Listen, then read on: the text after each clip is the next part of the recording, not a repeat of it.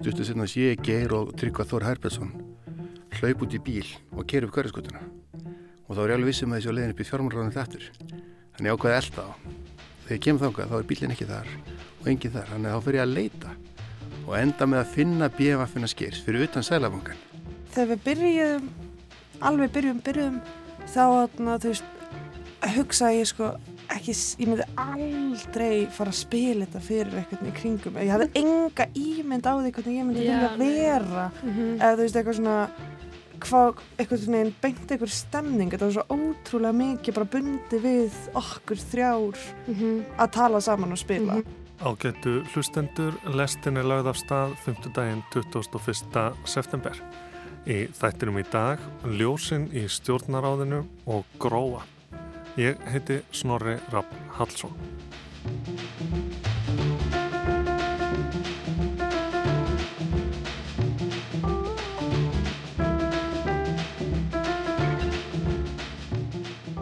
Stelpupöngið hefur verið ráðandi í lestinni þessa vikuna. Hljómsettin Boop Sweat Gang mætti um borð á þriðu daginn. Við kynntumst sóðaskapi í gær Og nú er komið að þeim mörtu, fríðu, Karolínu og Hrafnhildi í gróu. Þegar þær stofnu hljómsveitina voru þær úrlingar í MH, höfðu varla snert hljóðfærin sem það spiluði á, en komist í úslitu músiktilurina eftir sína fyrstu ofinberu framkomi. Það var árið 2017 en síðan þá hafa þær gefið út nokkra plötur, spilað viða í Evrópu og í vorir vona á nýri útgáfu frá þeim. En við byrjum á að huga hruninu. Eftir rétt rúma viku verða liðin 15 ár frá því glitnir var þjóðnittur. Svo voru sett neyðarlög, Guð átti að blessa Ísland og engin vissi hvað kæmi næst. Óvissan var í hámarki þarna um mánaðamótin september-oktober 2008 en 2018 köfuðu þau Guðni Tómasson og Þorgerður E. Sigurðardóttir ofan í þetta tímabil í þáttunum nokkrir dagar í frjálsu falli. Við skulum heyra annan þáttinn núna, ljósinn í stjórnaraðinu. Ráþeirar, fulltrúar allra stjórnmálaflokka og efnafsraðgjafar áttu skindifundi í Sæðlabankanum í gerðkvöld. Þar var rætt um kreppu á bankanum. Ég er Golli, ljósmyndar á morgumlæðin þessum tíma. Ég heiti Þórti Sarlöstóttir og ég er búin að vinna sem fréttamaður hjá Róf síðan 1995 maður man alltaf mest eftir því í svona endurminningunni þegar eitthvað er að byrja eða rétt áður það byrjar. Hjá mér er það þannig, því ég var akkurat á vakt helgina áður en glitnir fjall, þá var það þannig að ég var fyrir utan stjórnaráshúsið í lækjagötu með Karli Sigdilsinni tökumanni, við sátum þar inn í bíl og vorum að fara að taka einhverja myndir eða eitthvað út af óskildum áli þannig séð. Við sittum inn í bílum og höfum lagt í ráþæra bílastæðunum í lækjagötu, lítum upp og sjáum þá gangi út á stjórnaráðshúsinu alla sælabankastjórnuna þrjá. Þetta hafði ég aldrei séð áður, þetta var mjög óvennileg sjón og ég æpi uppið mig og hann líka stekkur út í eh, aftursæti þar sem að myndavelin var. En það vildi okkur til haps að þeir settust þarna inn í bíl sem að lagt var í ráð þeirra stæðin og bara venjulegur fólksbíl. Það var raukt ljós á lækjagötunni þannig að þess vegna náðan mynd af þessum þremur bankastjórum sem að veifið okkur svona kumpanlega og begðu svo sína leið. Uh, það var náttúrulega, við, við var alveg vitað í þjóðfélaginu og fjölmjölum að væri eitthvað stórt að gerast, sko. það væri eitthvað, eitthvað framöndan, menn kannski byggust ekki alveg við að myndi allt fara á hliðina en það var mjög mikil, svona, mikil spenna í gangi og svona áþreifanlega spenna. Þá settum við allt í gang, það er heil fréttastofa, það er bara allt liðið fyrir í gang og fyrir að spyrja, ringir í allar áttir hvað er að eða er eitthvað að gerast. En nokkrum klukktímum síðar fengum við þó viðtal við geir og hann sagði að, að þetta sé nú ekkit eins óveinilegt eins og við höldum, eh, hann sé nýkomin frá allsir að þingi saminuð þjóðana og hann væri bara svona catch up eins og þeir segði í Amríku. Dæin eftir þá heldu fundir áfram og ráðamenn höfðu fært sér yfir í Arnakvold til þess að vera minna áberandi en þá höfðu við nú akkurat frettastofan lagt bílum þar fyrir utan og sáum þar mektarmenn ganga inn og út sem alla jafnilega ekki leið sína þangað á, á sunnudögum og síðan um kvöldið þá voru öll ljós kveikt í Sælabankanum uh, alla nóttina, þar voru mikil fundahöld og þar voru náttúrulega allir fullt af öðrum fréttamönnum sem stóðu þar vaktina alla nóttina. Þessi helgi var alltaf merkileg, ég var á vaktinni og við hefum frétt af því að það hefði verið stór fundur í fjármálaránitinu þarna á sunnudeginum. Við fréttum það seint, þannig að ég ætlaði að fara að mynda þar, þá var það búið. Og ég var alveg óskaplega svektur. En ákvað samt svona í rælni að kíkja hennir í bæ aftur um kvöldi að sjá hvort sé eitthvað, eitthvað að gerast.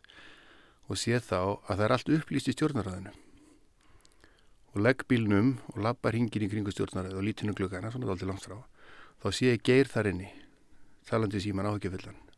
Þannig að ég eigðið alltaf tíma að fylgjast með og sjá hvað er að gerast og stuttu sinna sé ég geir og Tryggva Þór Herbertsson hlaup út í bíl og keir upp hverjaskutuna og þá er ég alveg vissum að þessi á leiðin upp í fjármálráðinu þettur þannig ákvaði elda á þegar ég kemur þangað þá er bílinn ekki þar og enginn þar, þannig að þá fyrir ég að leita og enda með að finna BMF-una skeirs fyrir utan sælabankan og þá náttúrulega vissi ég eitthvað stort þar að gerast. Og let vitaði upp á, á reittstjórn og byrja svo bara að býða býða er og eftir að þeir komi út úr sælamokkuna. Það er því náttúrulega myndin. Og það er mynd af, af einhverjum átna matti sen upp í fjármálrandi var ekkert myndin en gera komið til sælamokkuna, það. Og svo líður og býður og ekkert gera svo. Ég er búin að býða þarna í tvo tíma. Þá allt í hennu mætir bíl og þá eru mættir sko Lárus Velding hjá Íslandsmokka, hjá Glitni seg og Þóstedt Már, stjórnaformaður. Alltaf jógst þetta og er eitthvað stort, stort í gangi sko. Þannig að við, ég stendilega þarna einn í svona hundlegulega veðri og kulda og býð alltaf, teg myndir sem önnum koma. Svo klukkutíma setna kom allt í unni formen stjórnar anstöðuflokkana. Þá allt í unni kom all önnur pressan. Þá fóru þeir greinlega að láta vita, ringi allra áttir og þá er þetta komið á, á allra vitund hjá fjölmjölunum. Það fara allir menn á dekk í svona stór viðburðum og veldgóðsum og slíku, þá eru allir á tánum en það er líka þannig að þótt að það kom ekki út þannig í fréttum að því við segjum frétti þá eru við búin að koma stað einhverju en mest í tímin eins og í varandu hrunir fer það að grafast fyrir og ringja í alla og reyna að komast og ná einhverju. Lesa út úr því hvað er rétt og hvað er, hvað er raunni ránt en maður verður að halda sko rósinni en það er allt í öllu svona stóru þá er maður að mörguleiti sko sjálfur smáskekin en þú verður að halda, halda róðinni til þess að geta unnið áfram fyrir almenning. Síðan koma því loksinn sendu kvöldið að gera alltaf að fara út á Sælabankanum. Þá býður öll pressan fyrir utan og bílarnas er fyrir utan á bílastæðinu. Þannig að í staðin fyrir að þurfa að lappa út og taka móti pressunni þá sest henni inn í bílinn hjá Davíð Ótsinni inn í bílagemslu og þeir keira saman út í gegnum pressuna. Og það er náttúrulega alltaf skemmtileg mynd sem var áttu því með átna fjármála ráðara í aftsætinu og ég mann til þess að það var eitt móment aðna til dæmis fyrir utan þegar, þegar öll pressan er komið fyrir utan sælabakarinu kvöldið áður en þeir kom út sko. Þá til dæmis var við hliðin á mér hérna viðskjöldablaðamæður sem var í símanum og tala við aðal eiganda glitnis, Jónaskir og, og, og hérna ég er svona spjalla við henn og, og ég heyr alveg að þeir eru hróka samræðum og ég spyr hann bara, þú veist, hvað er að gerast, hvað er að gerast? Og þá segir hann sko, eftir þetta símtal hann segir að þið sé að stela bankanum. Ég hef aldrei haft nýtt gaman að því eða, eða samsarað mig við e-, einhverja svona paparazzi ljósmyndun sko. En þarna var maður orðindaldi í því að þurfa að býða fyrir utan viss hús á vissum tíma til að reyna ná mönnum ná, ná mönnum á mynd. Og ég mann til dæmis eftir því að vera fyrir utan kaupþingbanka í borgatúni þarna kvöldi sem þeir fjallu sko og býð eftir að heiðar már og, og Sigurður löpuðu þar út til þess að veginn að okkur þegar löpuðu upp til fjármál eftirlýsins að þetta var í búið og þarna stóðum maður út á bílastæði og beði eftir að tveir menn löpuðu út á bagdirnar á þessari höll fjármála kerfisins og segðu við okkur, þetta er búið og fóru upp til þess að, til þess að kvita fyrir. Það er eitt eh, augnablík þar sem mér var allir í lokið sjálfri og var alveg óbóðslega reyð innan, innan í mér og það voru út í Gordon Brown, þann fávita að mér fannst þegar hann setti hriðverkarlög á Ísland og það var einhvern tíman í byrjun oktober. Þá var mér allir í lokið en kannski líka gott að eiga óvinn í hæfilegum fjarska. Í beinu framhaldi þessi til dæmis uh, bladamannafundinu sem var haldnið þegar allt í hennu fylltist alltaf ellendri pressu. Allt í hennu þurftu nánast að fara að halda bladamannafundina á ennsku, nánast sko, til þess að geta þjóna þeim. Þannig að þá fannst mennum að missa kannski þessa nánu tengingu sem að bladamenn á Íslandi, Íslandi og ljósundar hafa alltaf haft við við þérna stjórnmálamenn út þegar það voru alltaf verið það náið að menn hafa bara unnið þetta eins og nánast eins og samstagsfélagar og vinir út það þekkja allir alla og líka þannig út að agressjónin hefur aldrei verið það eitthvað brjálagslega mikil í íslensku fjölmjölum og við vorum verið að halda þess að fundi eins og litlu, litlu sannum á og sem var allt, allt í nú sprungið. Það bara mættu týjir ellendra bladamann og ljósmyndara. Og maður alltaf þurfti að fara að slást um öll pláss og, og, og, og slást um að komast að ráþærætni voru komið lífverði og annað þýlitt og öll, öll þessi nálgun þegar, þegar fréttamennum var svona ítt lengra í burtu. Ádóldi merkileg líka sko. Manni fannst maður alltaf að komin í einhverja miðju á einhverju stórum atbyrjum sem maður sem voru miklu stærri maður hefði lendi á þau sko. Ég var man ekki til þess að það hafi berist samskipti við stjórnmálumenn e, það er náttúrulega, það, maður þarf að ná í þá og þeir voru mjög mikið að gera en e, ég man ekki eftir neinum neinu kaldlindi þar á milli. En álægi var náttúrulega gífurlegt og á, eins og ég er að segja hér að allir mannskapurinn vinnur, það er eins og í stjórnaráðinu þar eru allir að vinna og, svo náttúrulega í böngunum, auðvitað var náttúrulega erfitt að að ná þá sem að í þá sem stjórnuðu böngunum að því að þeir fengu þetta allt yfir sig. Auðvitað eru bladamannafundir leiðilegustu myndefni sem við getum fundið. En á þessum tíma voru bladamannafundir spennandi. Það er kannski það sem er, er fyndnast í þennan tíma kakar ljósmyndunum að.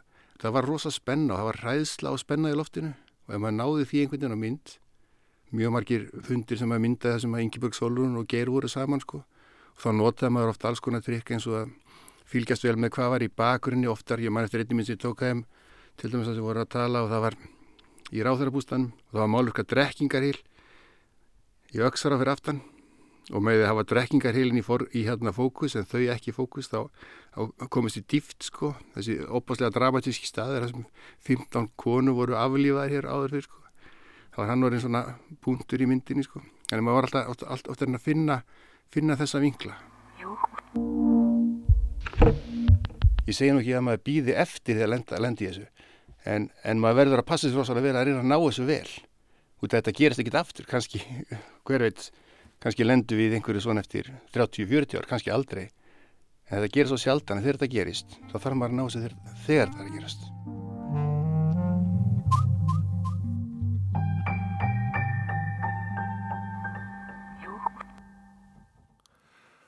Annar þátturinn af nokkrir dagar í frjálsu falli, þáttaröður smiðju Guðuna Tómassonar og Þorgerðar E. Sigurðardóttur.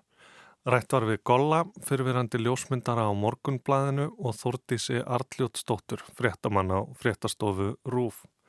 En úr hruninu í Pöngið.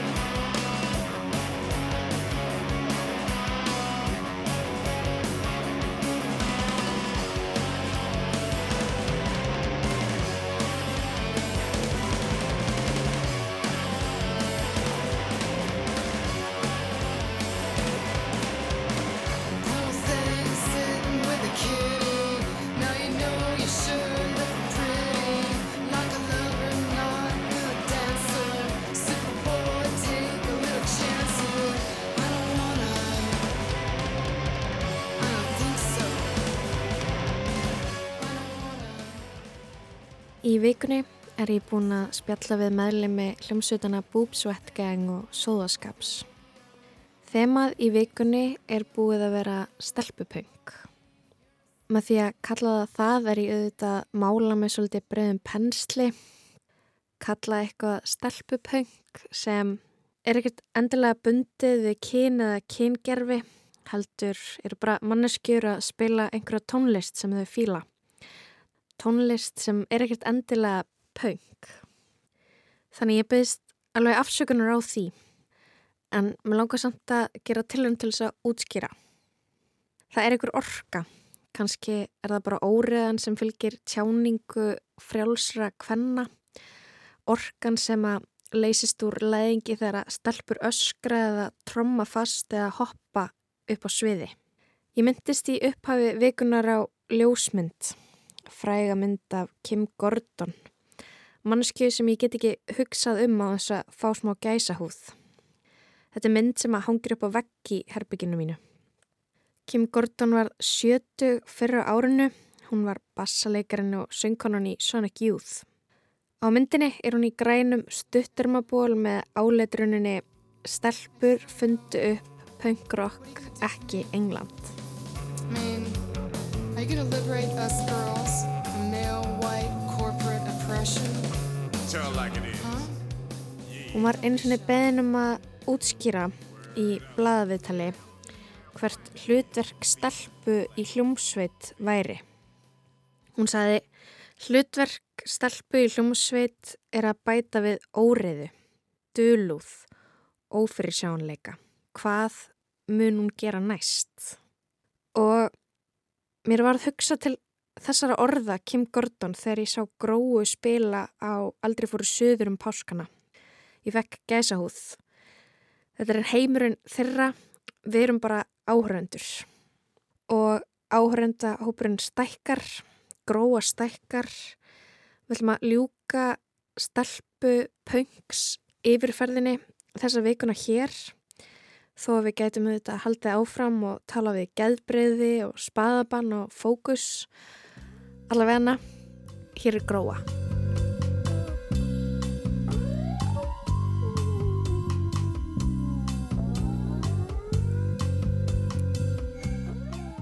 Marta, að byrja? Já, uh, ég heiti Marta og ég er 22 ára.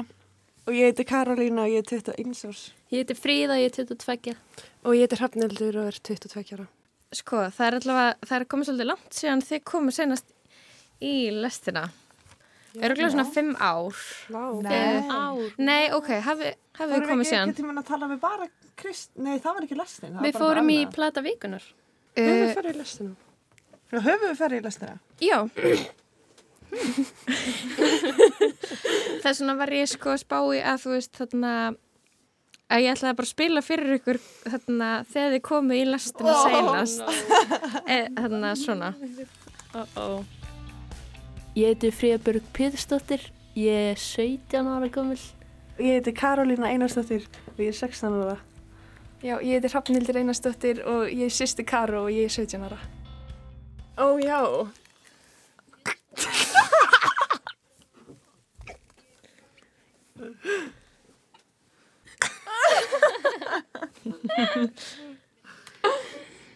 Þetta ég man ekkert eftir þessu. Hvernig myndið þið lýsa tónlistinu sem þið spilið?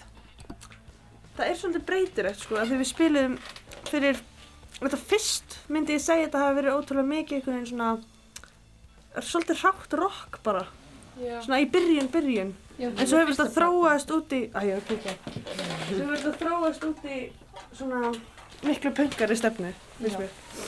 Mm. Það er svona punk með kannski einhverjum svona frekar þægilegum melodíum. Já. Ég sá okkur spila á ervefsháttíðinni fyrir nokkrum veikum og ég hugsaði punk í bland við funk. Já, já. Passar það? Við hefum heilt þáður. Það, það, það er mjög meðsmönd eftir lögum samt. Það var alveg potið þetta að lýsa ykkur eins og mitt eftir strax eitt í hug sem verður kannski með svona smá funkstíl. Já. Algjörða. Ertu með spangir? Já. Ægir. Mm, nokkuð ekkert. Nokkuð gott. Mm -hmm. Þetta er ekki mm. Hún kom í skúrin. Já, einmitt, hún kom já. í skúrin. Hún kom í skúrin. Kom í skúrin. Það er æfa í bílskúrslegu æfingarými í Vesturbænum. Ég stend fyrir fram hann stóra, dimma bílskúrshurð. Vel mér stað á nýtla banka. Staðsett mig eitthvað stað fyrir miðju. nú erum við hérna inn í æfingahúsnaði ykkar. Hvernig semjið þið almennt lög? Það tekur okkur oft svolítið tíma en við semjum þið alltaf í myrkri.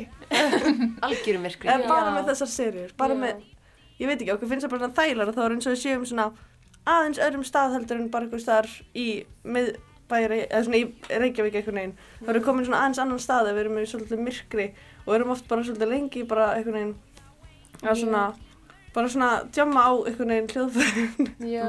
Já. Ég get ímynda mér að það sé svolítið myrkur þegar þið semjið því það eru engir gluggar hérna. Já, nei. Þetta er líka, þessi skúr er undir svona grasi. Þetta er svolítið Já. eins og það er sko, hann er svona, það er gras og ná.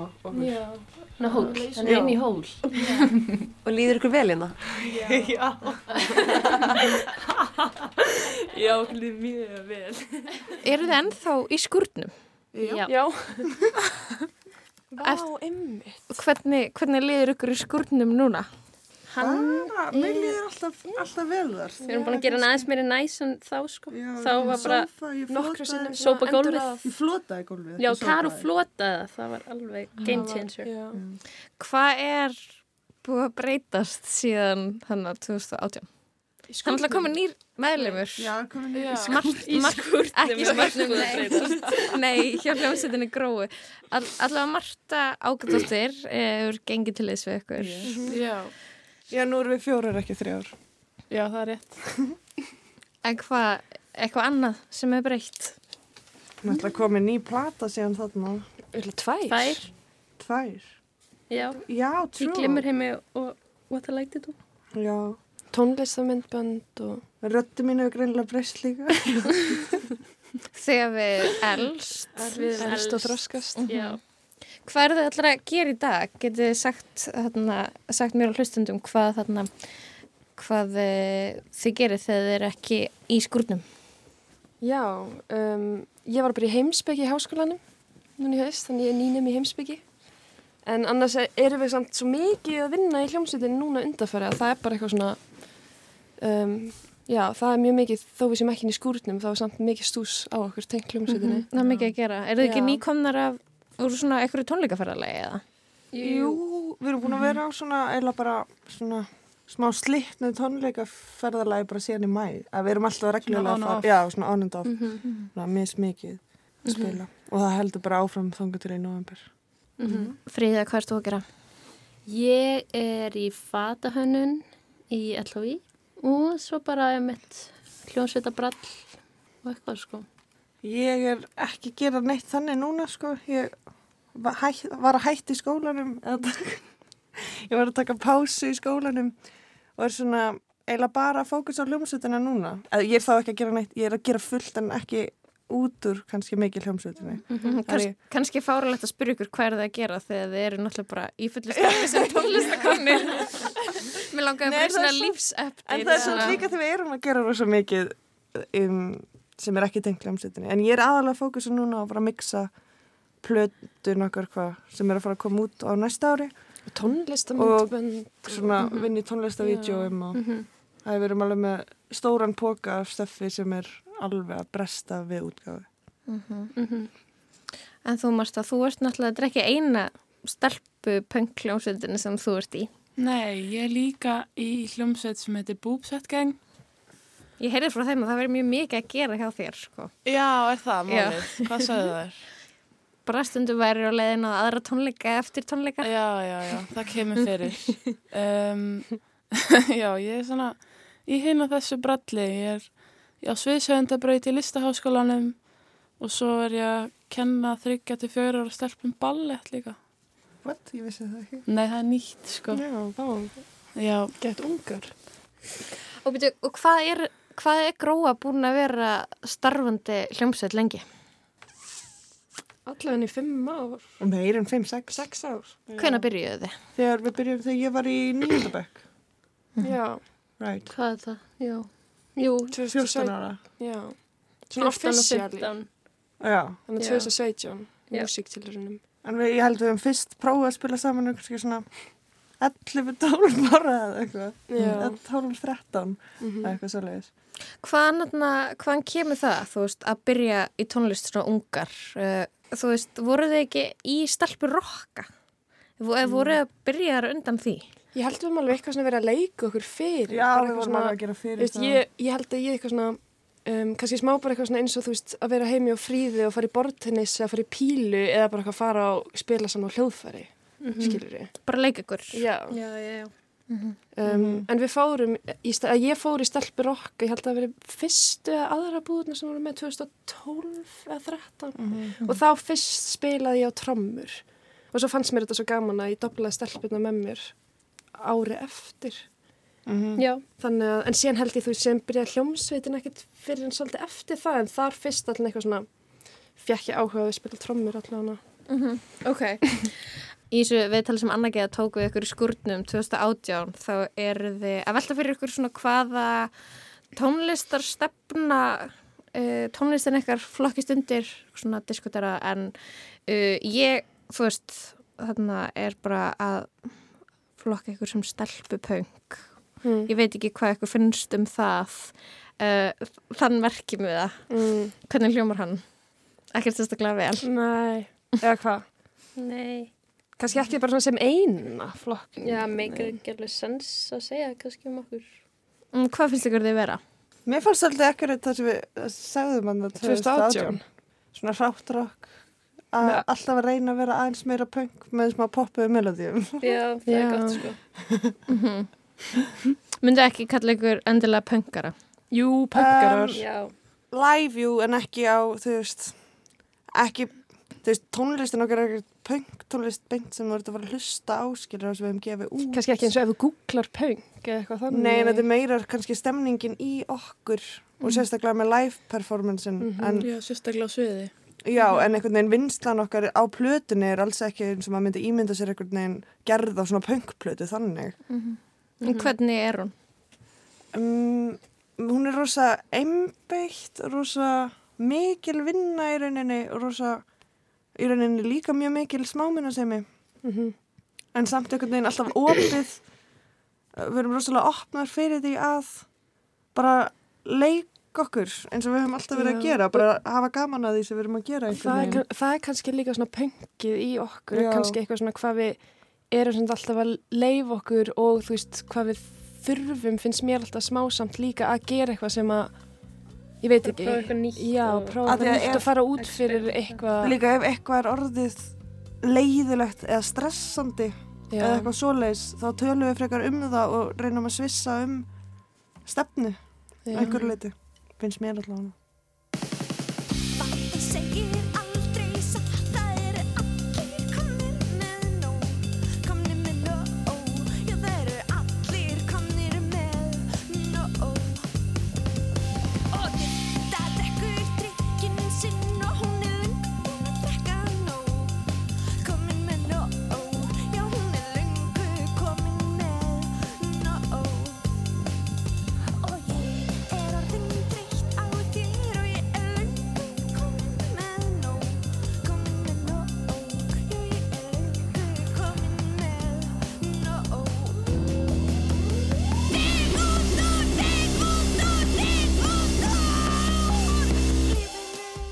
Tókuðu þið eitthvað hlýja á þessum, þessum árum síðan þið byrjuðuð?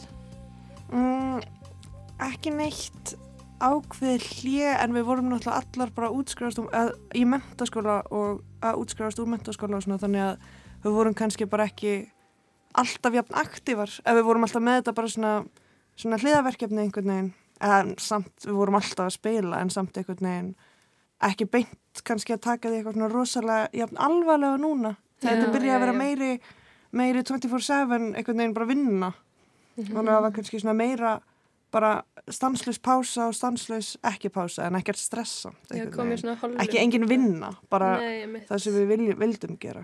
Já. En núna er þetta að vinna. Hvernig, hvernig finnst ykkur að, að þetta sé orðin vinnan ekkert að vera tónlistakonur? Hvernig líst ykkur á það? I love it sko. Já, það er náttúrulega bara það er draumur sko. Það er alveg algjör snild það er líka bara svo spennandi það er alltaf, alltaf spennandi Eru þið allar, allar sammála? Já, ég er mjög sammála. Mhm. Mhm.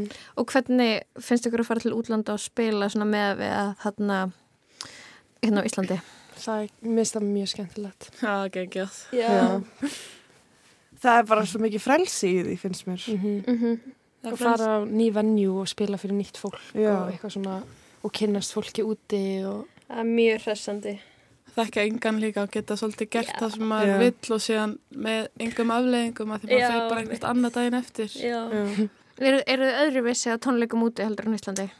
það er enda svo Ekki, þú veist, nú er- Nei, en það er kannski aðeins erfiðara stundum að interakta með krátinu Já. að því að þú þekkir þú, að þú, ég veit ekkert hvað hvaðan fólk er að koma eða hverjir þetta eru þannig að er einhvern veginn kannski aðeins erfiðara að svona grípa stemninguna. En samt alls ekkert vandamála neitt það er, en það er bara öðruvísi að því leiti heldur en, en mér finnst meira stressandi eins og að spila Íslandi. Já. miklu meira. En við hefum samt líka alveg úti leift okkur eitthvað svona um, leift okkur, þú veist, bara eins og núna í sömar þú veist, um, verið meira eitthvað svona að þú veist brjóta upp setti með því að gera eitthvað svona smá atriði áður en fyrir á svið og ég held samt við myndum alveg líka að gera hér bara við erum ekkert mikið búin að það, hérna hérna, það, hefur, það hefur enginn séð þarna gjörningan okkar sem við gerum Já. stundum í- þegar við erum að spila í útlöndum. Fyrir bara fyrir ákveðu fólk. Já. Já, Við já, höfum tvisvöld spila, spila núna fyrir svona ákveðna senu í Breitlandi um, og þau eru mjög svona opinn fyrir alls konar gjörningum og þannig. Þannig að við höfum bara gert það hjá þeim. Nei, við gerðum það í Chicago líka. Já, það gerum við líka í Chicago. já. Hvar eru þið búin að, búin að vera að spila? Í, mm, við erum búin að spila í um, London og Danmörku já. og Þískaland og Pólandi, Tjekklandi, Slóvakíu. Slóvakíu. Og Það New er Chicago. gaman að spila í spila Ég í elska að spila í Tjekklandi Og Tjekklandi, það er alveg svona það er þarna rosa góð stemming þar sko og krátið mjög hrest og dansar mikið Ummitt hitt á eitthvað góðan, góðan hóp þar. Já. Er þetta svona hvað, hvað er að segja, er þetta svona tíðustu tónleika fræðalögin ykkar ef, þú veist núna sem er að gerast í ár Já, Já. já, já. já. Ok, Við hefum aldrei sko. spilað mikið úti. ok Hvað, na, ég er svo forritin að vita, þú veist, hvað uh, veldur því? Eru þið með uh, með umbósmann eða eru þið hjá einhverju leipili eða er þetta, er fólk að hafa samband við ykkur eða Við sko, við erum ekki með umbóðsmann eða bókara sem við ættum kannski fyrir að finna okkur eitthvað bókara eða eitthvað. Mhm. En við vorum að sæna hjá leipili sem er staðsett í bandarækjunum sem eru svona fókusa á útgáfi á íslenskri tónlist sem heitir Found Recording. Mhm. Já. og þarna, en, og nú menn ég ekki hvað ég var að segja. Nei, bara hérna, Það er svona leibúli en við en samt Já, ekki já, ég ætla að segja, en við samt, þetta er bara eiginlega smá óvænt hvernig þetta er alltaf að koma einhvern veginn á sama tíma. Ég, er rauninni líka- plönu við alltaf sko túrana þar sem við erum að spila mörg ekki röð, það er bara eitthvað sem við skipuleggjum og finnum og þekkjum fólk úr einhverjum stöðum og svona. Þetta er samt líka ó- ótrúlega mikil einhvern veginn svona. Já, Þetta er þú veist eins og bara seinstu túrar þá hefur við kynst fólki og, og svo þú veist heyra þau okkur já, eitthvað svona að vera gaman að þið kemur að spila hérna. Og svo er þetta bara svo smá púsl og svo spilaði við í þú veist Cornwall og þar var uh, einn gæi sem að hérna er að skipulegja hátíð uh, eða þú veist svona part í hátíð í Dublin og vill fá okkur þangan þetta er bara svolítið svona þetta er bara að gerast svona lífrænt. Já, svolítið sko. Og svo svona er kannski allt innu komin ykkur svona sex tónleikar í röð sem er að svipa um tíma og þá kannski er nú að fylla inn í Já. eigðirnar með kannski staðist það sem að myndi svona mega sens að ferðast á milli Já. þannig að Mhm. þetta er svolítið búið að vera þannig allavega en að svona Já, true. sumar Já. Ég veit. Eitt sem þið sögðuð í viðtalinu, rifjaði það upp. Uh, þegar þið sögðust semja tónlist í myrkri. Gerir það, gerir það ennþá? Wow. Eða Já, var það það bull, já. bull svar? Nei, eða það var er það rétt? Mjög það- satt. Ok. Það er Vá, heyrðu, við hefum við notum þetta gerðum við vorum að taka upp. Já. Jú, við gerðum að víst, við spilum, ekki alveg myrkri, næstu í myrkri. Þegar við vorum núna eitthvað við vorum erum með reynstíplu Já, vorum við með rittstýplu ákveðum að þess að svona, vorum við núna sem í myrkri þá vorum við í myrkri og vorum að samja laglinuðnar. Já, Já, við erum með svona aðrar aðferði líka núna já, komna nýjar aðferðir. Stundum, Hvernig eru nýju aðferðnar? Það var eini aðferði sem virkaði svolítið vel Já, það var mjög gott. það, hún er ekki beint flókin sko, þetta er í rauninu bara við, að við erum allar á nærbuksunum. Við fyrir bara úr buksanum og svona sjáum hvernig okkur líður þannig hvort okkur finnist við vera meira frjálsar eða svona meira berskjaldar og það var bara virkaði ótrúlega vel Já, ég get alveg ímynda mér. Já. Og líka svona hvernig við kannski tölum við hver aðra þegar við erum allar á, á nærbuksunum Já, maður er svolítið öðruvísi. Er maður vinalegri, ef maður er... Kannski kurteis. Allir aðeins við, svona, í- Allir svona aðeins svona kannski meira Berskjaldaðri. tillitsemi. Það er kannski ekki að fara eitthvað svona strax að strax að hérna segja, þú veist, fríða sér með lélega hugmynd þegar hún bara stendur fyrir fram með nærbuksunum.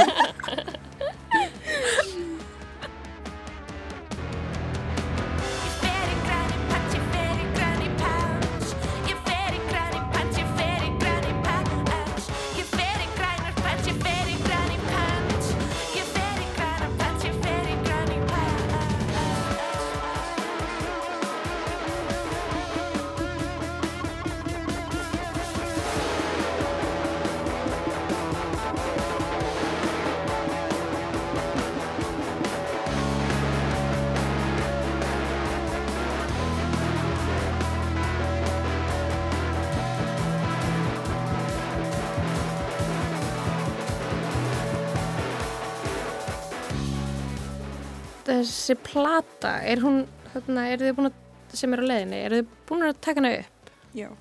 Og, og vitið þið hvernig þið ætla að gefa hann út? Mm, Við erum að stefna á næsta vor, núna bara voru 2024, en við erum búin að taka upp allan grunn og í rauninni eigum samt alveg eitthvað, eitthvað eins og að vókulum og svona eftir.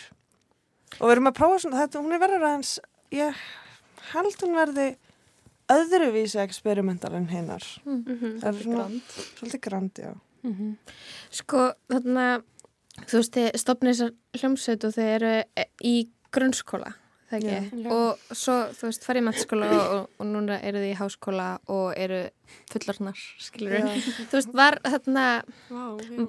var ekkert fristandi að, þú veist, bara skiptum nafn eða farið í eitthvað annað projekt og, þú veist, út af því að þeir eru í rauninni kannski bara allt, allt öðruvísi heldur en voru þegar þið Mhm, voru mhm. þarna Já. úlingar að, semja. Það er svona næstu í make a sense að skipta samt um nafn á svona breytingu, breytingaskeiðum. Nei, ekki- hjá okkur, þá heldur í hljómsveitar breytingaskeiðum. Breytum um hljómsveitarnafn á breytingaskeiðinu. Það er, bara, það er svolítið langt í það. Þá ætlum við að breyta um hljómsveitarna. Þá ætlum við að breyta En, en ég, ég held samt, þú veist, en ég held samt, þú veist, að við höfum alveg tekið eitthvað svona, að við erum smá eitthvað svona, þú veist, finnst það kannski, erum ekkert mjög sáttar kannski með eitthvað gamalt efni og þannig, en ég held samt að við séum svona, núna erum við samt bara svona, leifa okkur að vera smá meðvitaðar um það líka, þú veist, að það er lægi að þetta breytist allt Já. og þú veist, og En ég held að sé líka að því að, mikið að gaggrina það að kannski. því að í rauninni um, í glimmerheimi platan, það er svo ótrúlega mikið af elementum í henni sem ég finnst við hafa bara náð að fanga svo vel stemninguna í okkur og ákveðin svona um, ákveðin kjarnar bara í, í gróu. Mér fannst það einhvern veginn á að koma svo skýrt í gegn í glimmerheimi að einhvern veginn það er líka bara að kannski eins og platan sem við erum að gera núna á í heima bara við hl- hliðina á í glimmerheimi. Mhm. Mm, það er alveg sama hljómsveit þó þessi Já, já. eldri Já, já, og, og þroskaðari. Já, Mhm. að það er líka bara eitthvað við okkar vinasamband sem er svo mikill partur af hljómsveitinni og lögunum og bara það að hvernig við semjum tónlist saman alveg sama það er eiginlega bara fyndið þá hvernig þú veist fyrstu lögin okkar voru að það er samt við einhvern veginn í því að það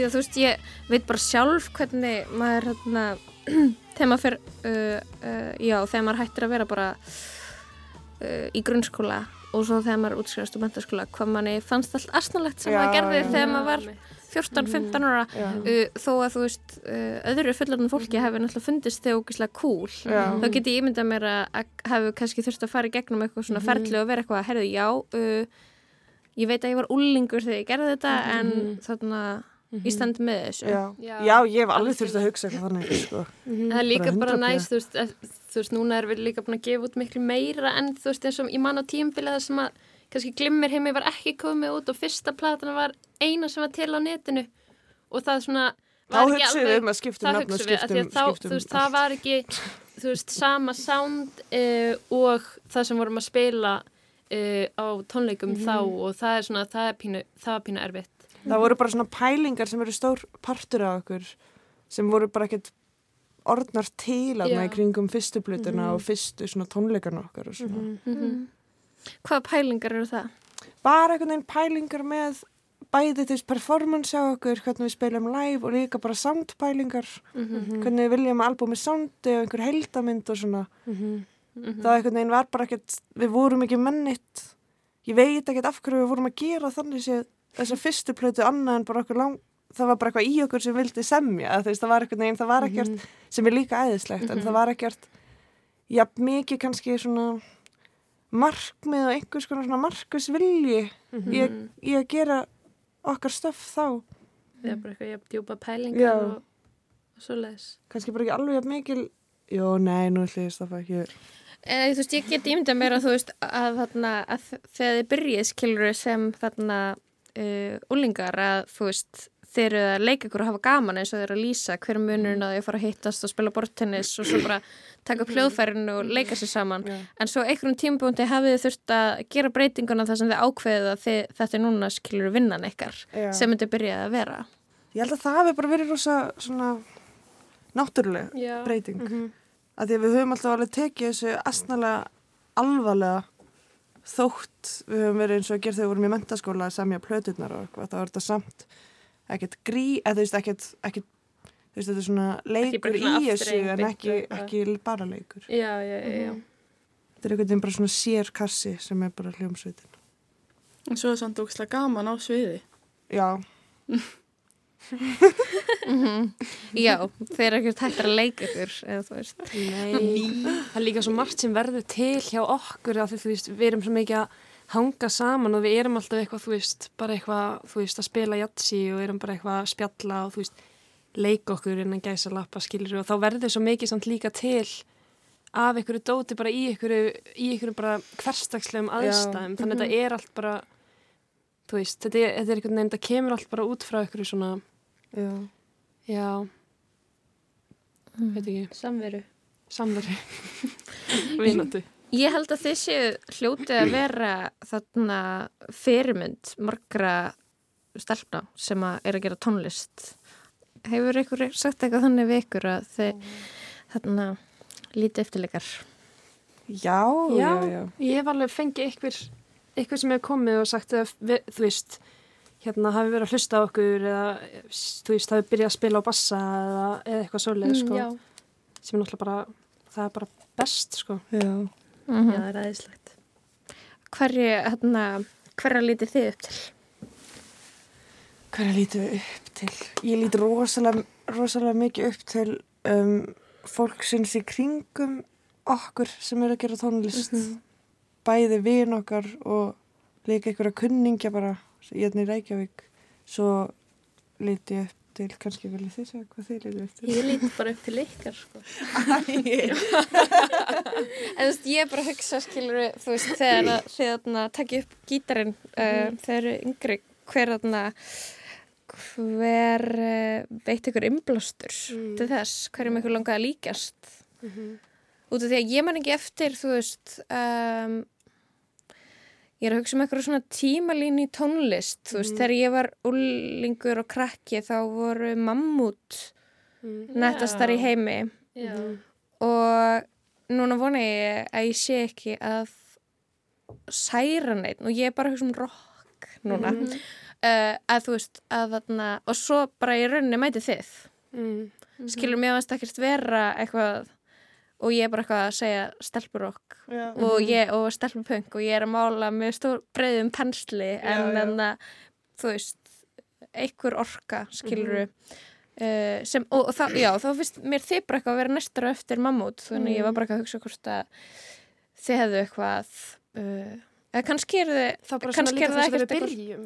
já, þú veist, eða kannski þurfið ekkert að sjá um, aðrar gellur með gítar að rokka kannski var bara nóg að ykkur langaði það bara Já, sko, það er, það er samt líka, það finna við þetta er að, að þegar við byrjuðum, alveg byrjuðum, byrjuðum, þá, þú veist, hugsa ég, sko, ekki, ég myndi aldrei fara að spila þetta fyrir eitthvað í kringum. Ég hafði enga ímynd á því hvernig ég myndi Já, vilja nei. vera. Mhm. Eða, þú veist, eitthvað svona, hvað, eitthvað svona einn beint eitthvað stemning. Þetta var svo ótrúlega mikið bara bundi við okkur þrjár Mhm. að tala saman og spila. Mhm. Það, það var ekkert, ekkert í kringum. Já, við ætlum ekkert eitthvað Að þið veit ekki hvort það var að þið voru líka svo litlar þannig. Já. En ég meina við, þú veist, ég var um að hugsa þetta því ég hugsaði við myndum kannski eitthvað að fara að tala um eitthvað svona hvernig, hvernig hljómsveitin byrjaði og eitthvað svona fyrirmyndir og þannig að því ég eitthvað svona, mér finnst alltaf skrýta, ég veit ekki annað hvort, hvort ég bara muni ekki eftir því eða bara hvort að hafa eitthvað neginn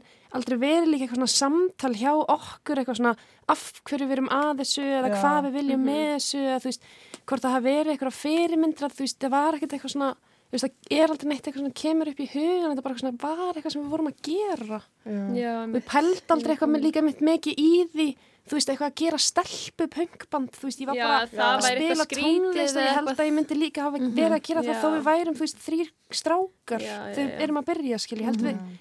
þannig er eitthvað neginn svona, það, það, þær pælingar koma kannski líka svolítið setna og það Já, kannski setna þá fara að koma börn sem ég fatta að mér finnist svona djúft kúl og langa að vera Já. eins og bara eitthvað Já, svona Kim já, Gordon já. og Sonic Youth og Já. bara eitthvað neginn. Myndi, ég var bara að hugsa skilur hvort myndi hefði bara verið að hlusta á, Sonic Youth sem börn og bara já, Já. nei Já, nei, En það kemur- nei. Það kom Nei. eftir Það kom að við eftir, já. byrjum í hljómsettinni, sko. Að þú veist, ég vissi, ég hafði alveg hlusta eitthvað á það en ekki eitthvað neginn menn eitt í huga En það er samt svona líka eins og rosa- þú veist það því við byrjum ekki hljómsveitina með eitthvað svona markmiðin að við ætlum að verða eins og Sonic Youth eða eitthvað, þetta var, Einhverja við ætlum ekki eins og endlega eitthvað að sína neinum þetta, ég veit, þú veist, við vorum Sko, bara eitthvað, ég, ég, var með fríðu í bekk í hagaskóla. Ég held ég að sagt ykkur þetta, en ég man svo vel eftir þegar við vorum ekkert með íþróttum og ég man ekki hvað bekk þetta var, þú veist, nýjunda eða tíunda eitthvað og fríða er eitthvað, Marta, ég með lendamál. um, ég, er, ég er í hljómsveit. og þá var það eitthvað svona mega, sem hún ætlaði ekki að segja neinum, skilur bara. hvað hvað það það er svo Það er gott því að þetta er leyndarmál. líka alveg, þú veist, ég hugsa líka eitthvað svona akkur, þetta með þetta að við verið lindamál, þú veist, að við vorum náttúrulega í hagaskóla og bara hip-hoppa bara í Já, 2017. blúsandi siglingu, það var einhvern veginn allt um líka, það var, ég þekkti engan líka fyrir en Já.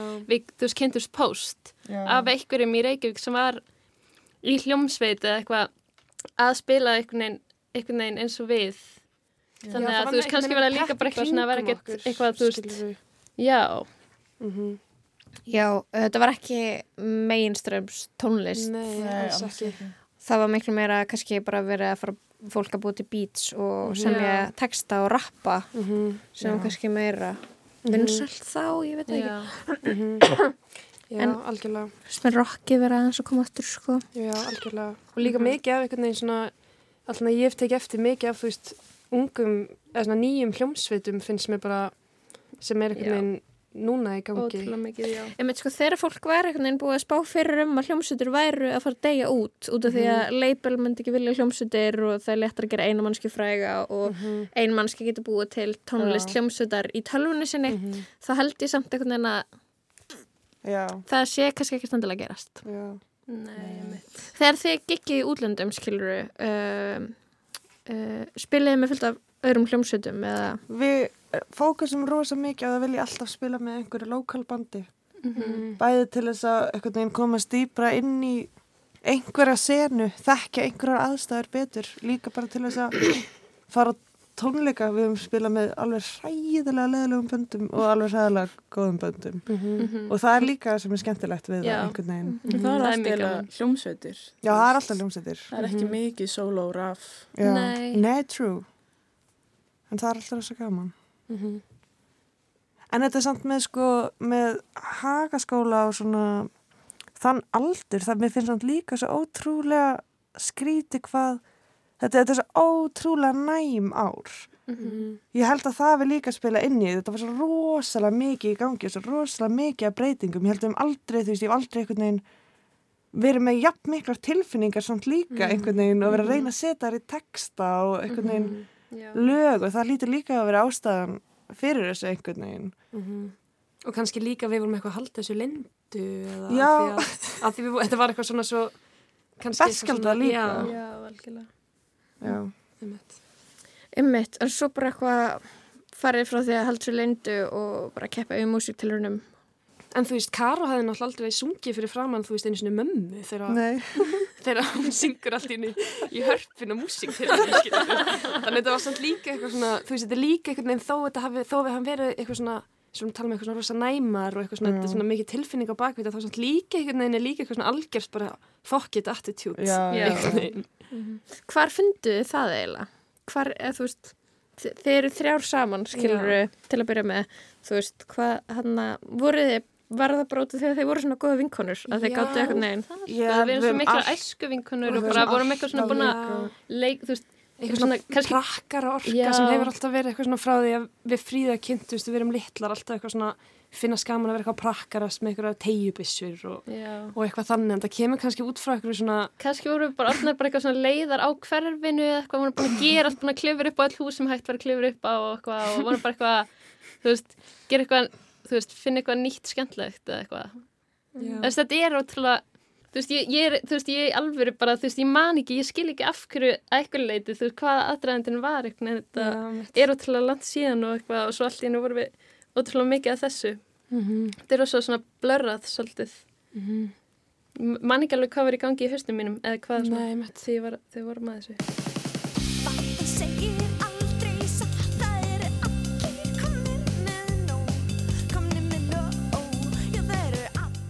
Það er uh, búin frábært að spila við ykkur stelpur og hérna hlaka til að heyra nýja plötu. Takk fyrir að komuna í lestina. Takk fyrir okkur. Takk fyrir komin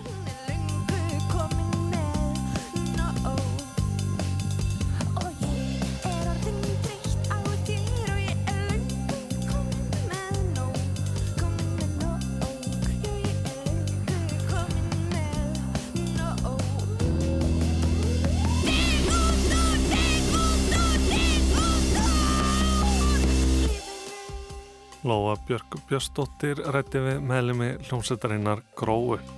En þá er komið að leiðarlokum í dag. Ég heiti Snorri Rafn Hallsson og þakka samfélgina. Tæknumæður var Lydia Gretastóttir. Þannig til næst veriði sæl.